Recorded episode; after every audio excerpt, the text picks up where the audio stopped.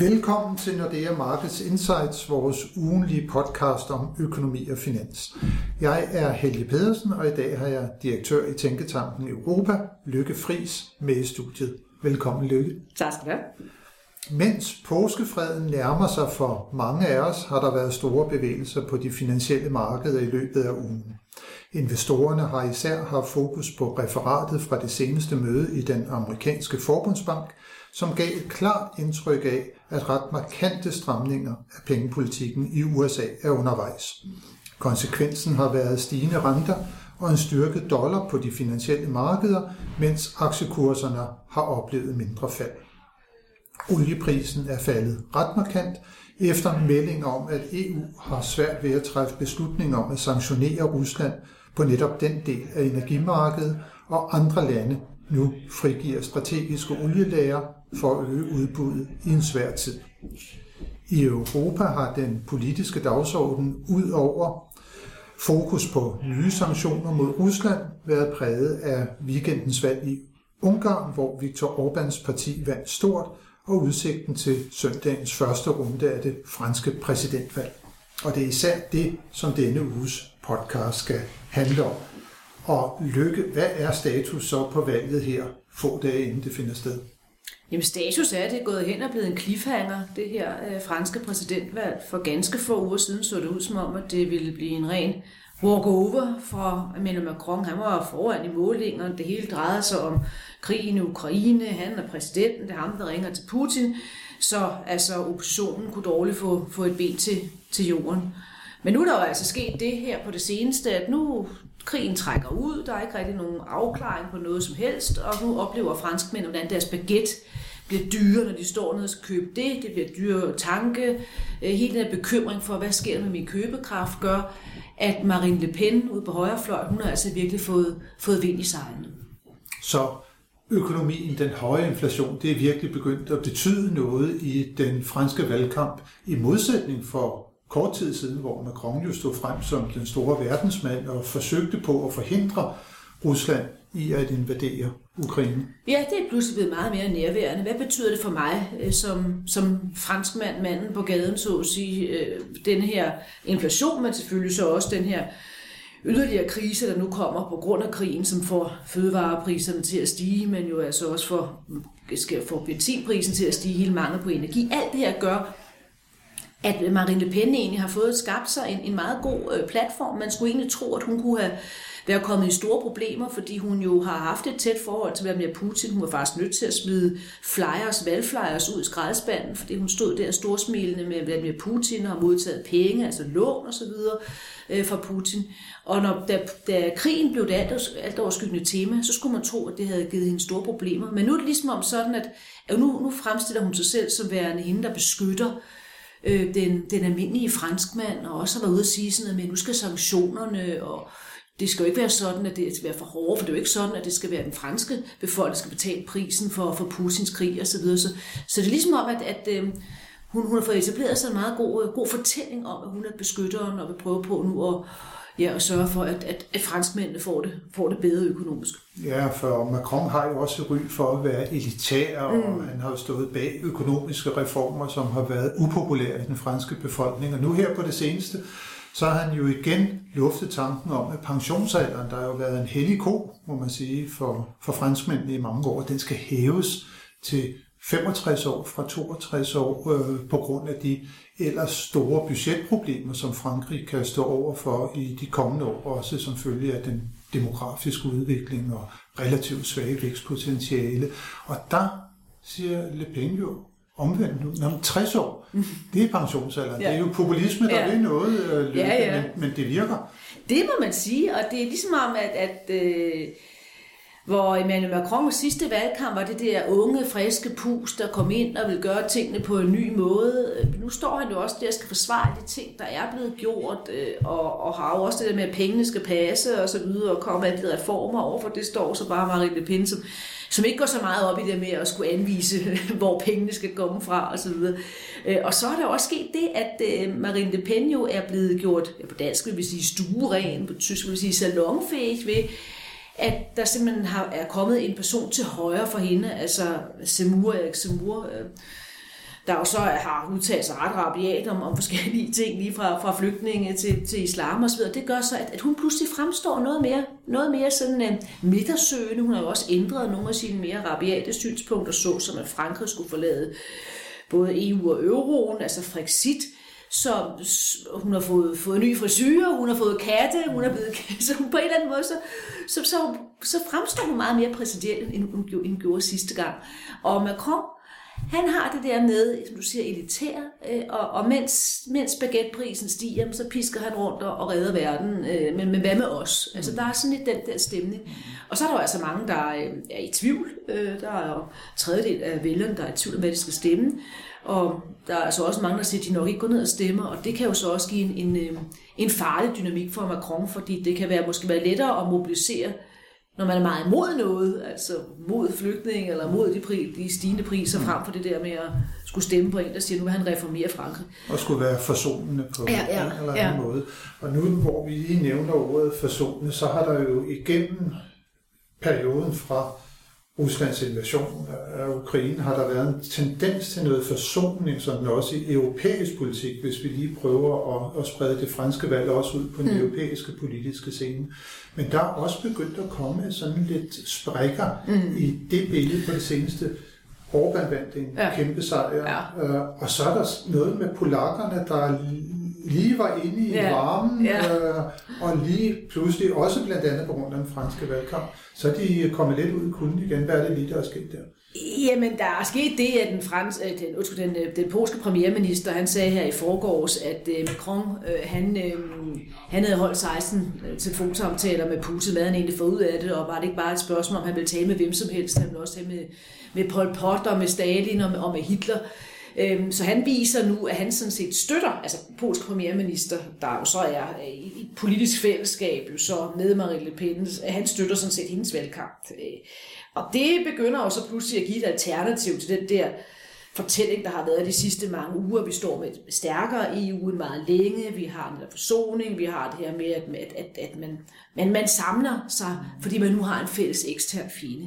Det vi godt kan være vidne til nu, det er pludselig en helt anden fortælling, hvor Viktor Orbán, som siger, har vundet valget, jo på en, en sådan jeg vil ikke sige en pussyvenlig platform, men altså undskyld. Altså, han, Neutral. Han, ja, ikke engang det kan man sige, fordi han ender med at gå ud og sige, at, at, at øh, da han så har vundet valget, og det er jo lige efter, vi har fået de skrækkelige billeder fra Boccia der i weekenden, så går han ud og siger, at nu har han altså nu har han vundet valget, og han har vundet valget over en, en af modstanderne, Zelensky, altså den ukrainske præsident. Altså man skulle tro, man havde nævnt Putin som modstander. Ja. Så så der, der kommer nu sprækker. Der kommer, han har jo også sagt efter valget, Orbán, han ikke støtter yderligere sanktioner.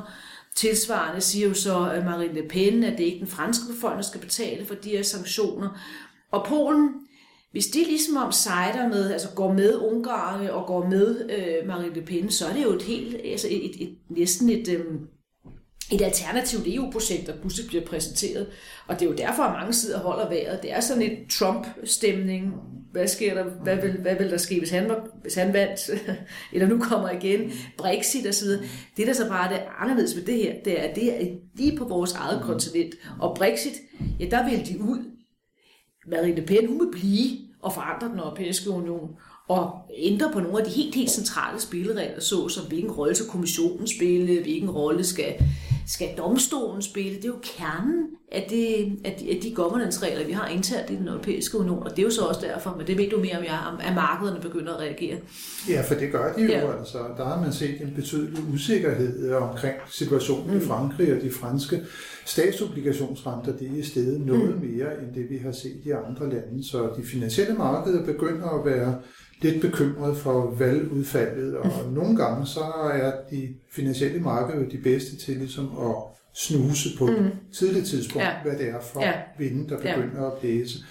Men nu har vi jo det første rundevalg, ja. det har vi nu her på søndag. Der må vi sige, der er efterhånden kun de to kandidater. Ja. For nogle måneder siden, der så det lidt anderledes ud. Der havde vi både Pécresse og, og vi havde uh, Michelin på, ja. på, på, på, på venstrefløj, venstrefløj ja.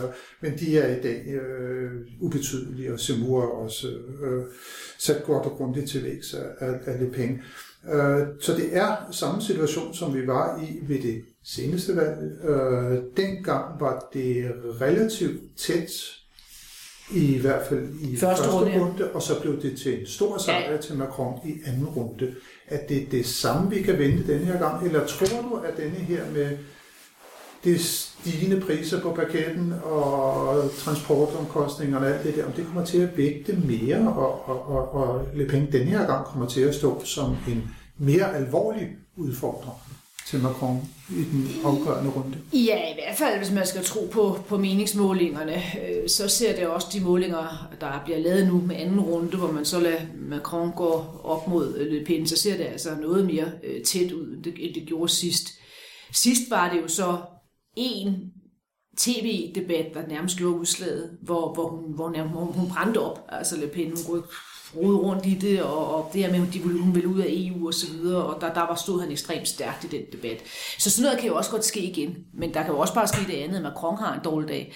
Øhm, men der, hvor jeg så alligevel tænker, hmm, at der nu også kan, kan ske et skift, for nu har vi haft en hel uge, hvor hun går frem og frem og frem, og pludselig har vi den her diskussion, gud, det kan være, hun kan Mon Dieu, vil de jo nok sige, det kan være, hun kan vinde.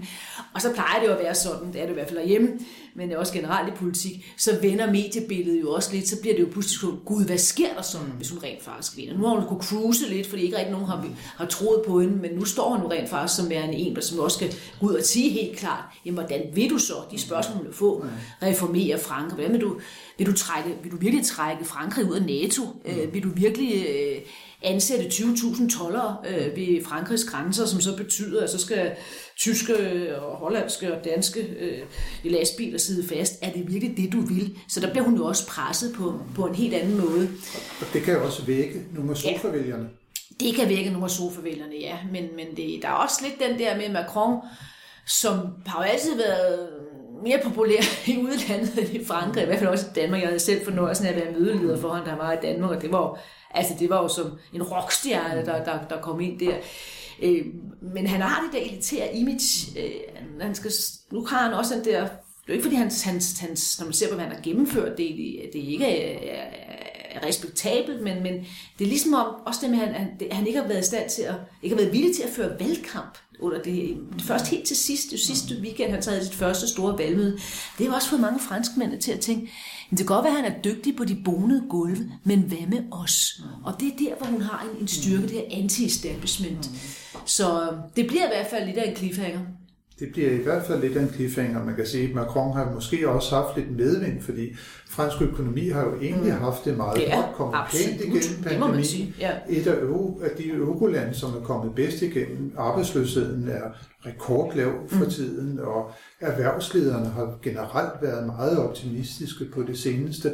Og så kommer der altså lige det her med den enormt høje inflation, der også kommer til at ramme i Frankrig, selvom inflationen ikke er så høj, som den er i Tyskland, så rammer den altså også ned lige der, hvor det måske gør allermest ondt øh, lige nu. Ja, men, men selvom man egentlig, når man ser på de tal, du meget øh, pædagogisk der riser op, skulle, skulle mene, at, at, at det, egentlig, det, det burde han da egentlig kunne vinde. Men, men så er der altså bare, der er også den der store utilfredshed, også ulighed i det franske samfund. Nogen, der føler ligesom at tage de gule veste, hele gule den veste, diskussion. ja. Altså, og alt det, det er jo ikke glemt på en eller anden måde. Altså, så, så når man ser på målinger, er det faktisk meget interessant, at der er franskmænd, nogen, der er så meget, meget kritiske over for, hvordan det rent faktisk går. Man må også sige, at øhm, når man tæller alle stemmerne sammen, eller kandidaterne sammen, så er der jo virkelig mange, der er skeptiske over for den europæiske union. Mm. Altså Mélenchon går kan leve på venstrefløjen, kan, er skeptisk. Pagres jo også mm. inde, inde på, på midten, så at sige, for, øh, for de konservative. Øh, Zemmour selvfølgelig, som tæller det hele sammen, så, så, så vil han, så godt at han vinder. Øh, det mener jeg stadig er det mest sandsynlige, men han vinder jo ikke nogen særlig overbevisende sejr med al sandsynlighed. Så venter jo så umiddelbart jo så øh, præsident, parlamentsvalget efterfølgende, og, og det vil jo gøre, at han ikke vil stå så... Altså, det er altid imponerende at genvinde valget. Det er ikke så mange franske præsidenter, der gør, men du skal jo alligevel være i stand til så at, at regere efterfølgende. Får en ordentlig opperkort efterfølgende parlamentsvalget, så vil det jo så alligevel svække hans manøvrerum noget. Og men vi hele huske på, at det er også derfor, det er meget vigtigt at følge det her valg, en, amerik- at en, en amerikansk præsident, en fransk præsident, mm. Freud har set, er jo virkelig magtfuld. Altså, Og derfor vil det få betydning for os alle sammen. Altså i Tyskland, der har du alle de der checks and balances og Bundesrat og Linder og jeg ved ikke hvad, alt det jeg kan tale om meget længe. Og koalitionsregering med, med tre partier, det har du ikke i Frankrig. Så det vil sige, det betyder utrolig meget for europæisk økonomi og politik, og selvfølgelig også for Danmark, hvem der vinder det valg i Frankrig. Nu har vi også, nu er du kommet ind på Tyskland, nu har vi lige fået en ny tysk bundeskansler. ja. Olaf Scholz. Ja. Han skal jo også til at lære at navigere i det her ja. europæiske, ret betændte politiske miljø lige nu. Hvordan tror du forholdet vil være mellem Scholz, Macron og Scholz, Le Pen? Jamen, det vil jo være helt, helt, helt anderledes. Altså, du kan sige, at hele debatten i Tyskland jo har drejet sig om sidste mange år. Hvorfor har vi ikke svaret Macron på alle hans store politiske taler? Øh, og hvis nu det ender med, at når Tyskland endelig har svaret, nemlig med koalitionsaftalen, hvor man jo også er meget øh, aktiv på den europæiske scene, og også har gennemført Zeitenwende, som man siger på tysk, omkring forsvars- og sikkerhedspolitik, som jo gør Tyskland mere fransk.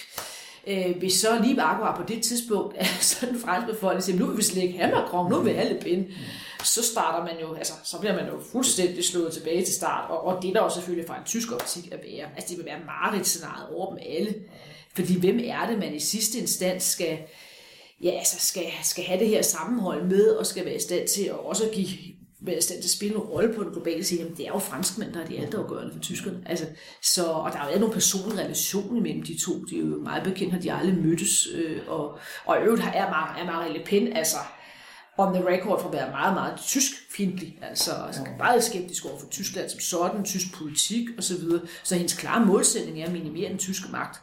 er ikke det bedste øh, udgangspunkt for et, et samarbejde. Men selvfølgelig skal vi hele tiden have med, at en ting er nogle gange, hvad politikere siger, før de bliver valgt, og hvad de så gør efter. Men det sagde vi altså også om Donald Trump. Og han endte med at gøre alt det, han sagde før valget, det gjorde han efter valget. Så, så, så derfor er det et af de her, det er faktisk en skæbne stund, fordi du, altså for, for det europæiske øh, samarbejde, øh, det, det er simpelthen meget svært at se, at der er nogen, altså man kan jo godt se de klare alliancepartner for Marine Le Pen, men det er jo så dem, som jo heller ikke den danske regering vil være synligt begejstret for, når vi ser på retsstatsprincipper, når vi ser på forholdet til Putin osv. Og, og det er jo så, det er jo så blandt andet Ungarn og Polen.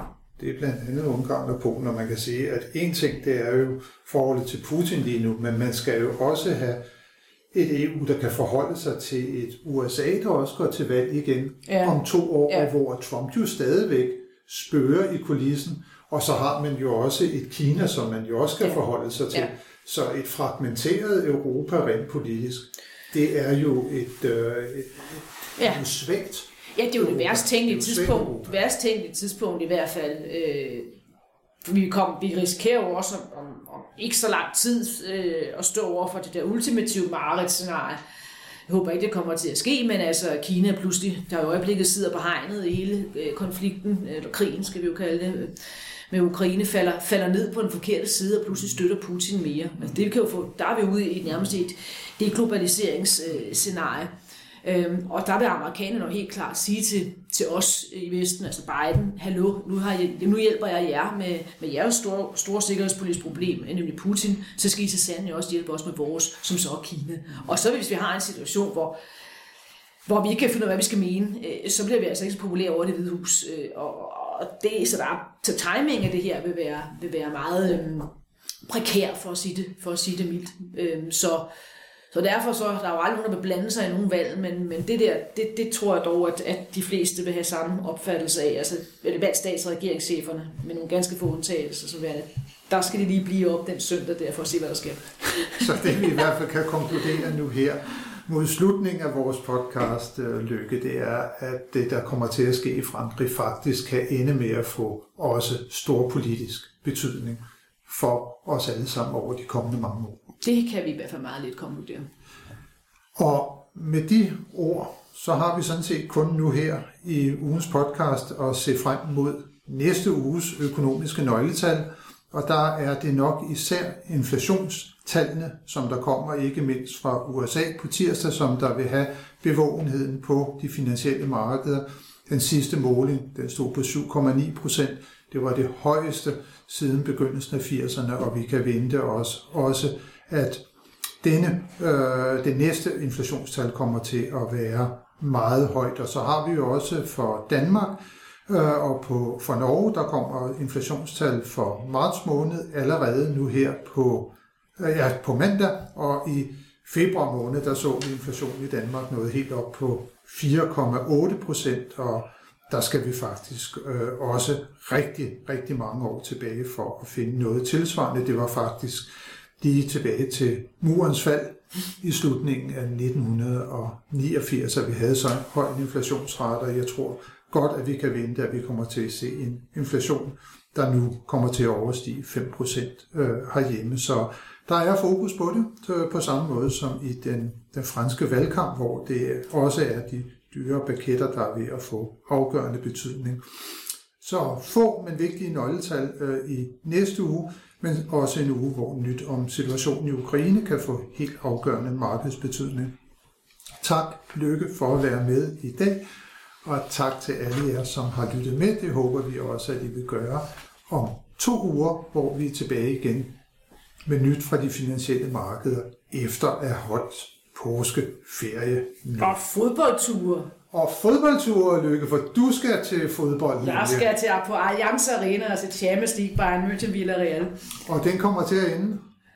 Åh, oh, bare vi vinder 2-1. bare vi vinder 2-1, og det kan jeg sige, det vil jeg også sige, for jeg skal til fodbold i morgen, det er lørdag, det er Tingbjerg Ground, det er Brøndshøj mod B1903, det er Danmarksserien, og der siger jeg også bare vi, og det er Brøndshøj vinder 2-1, så er jeg også mere end tilfreds. God påske. Ja, i lige måde, Lykke.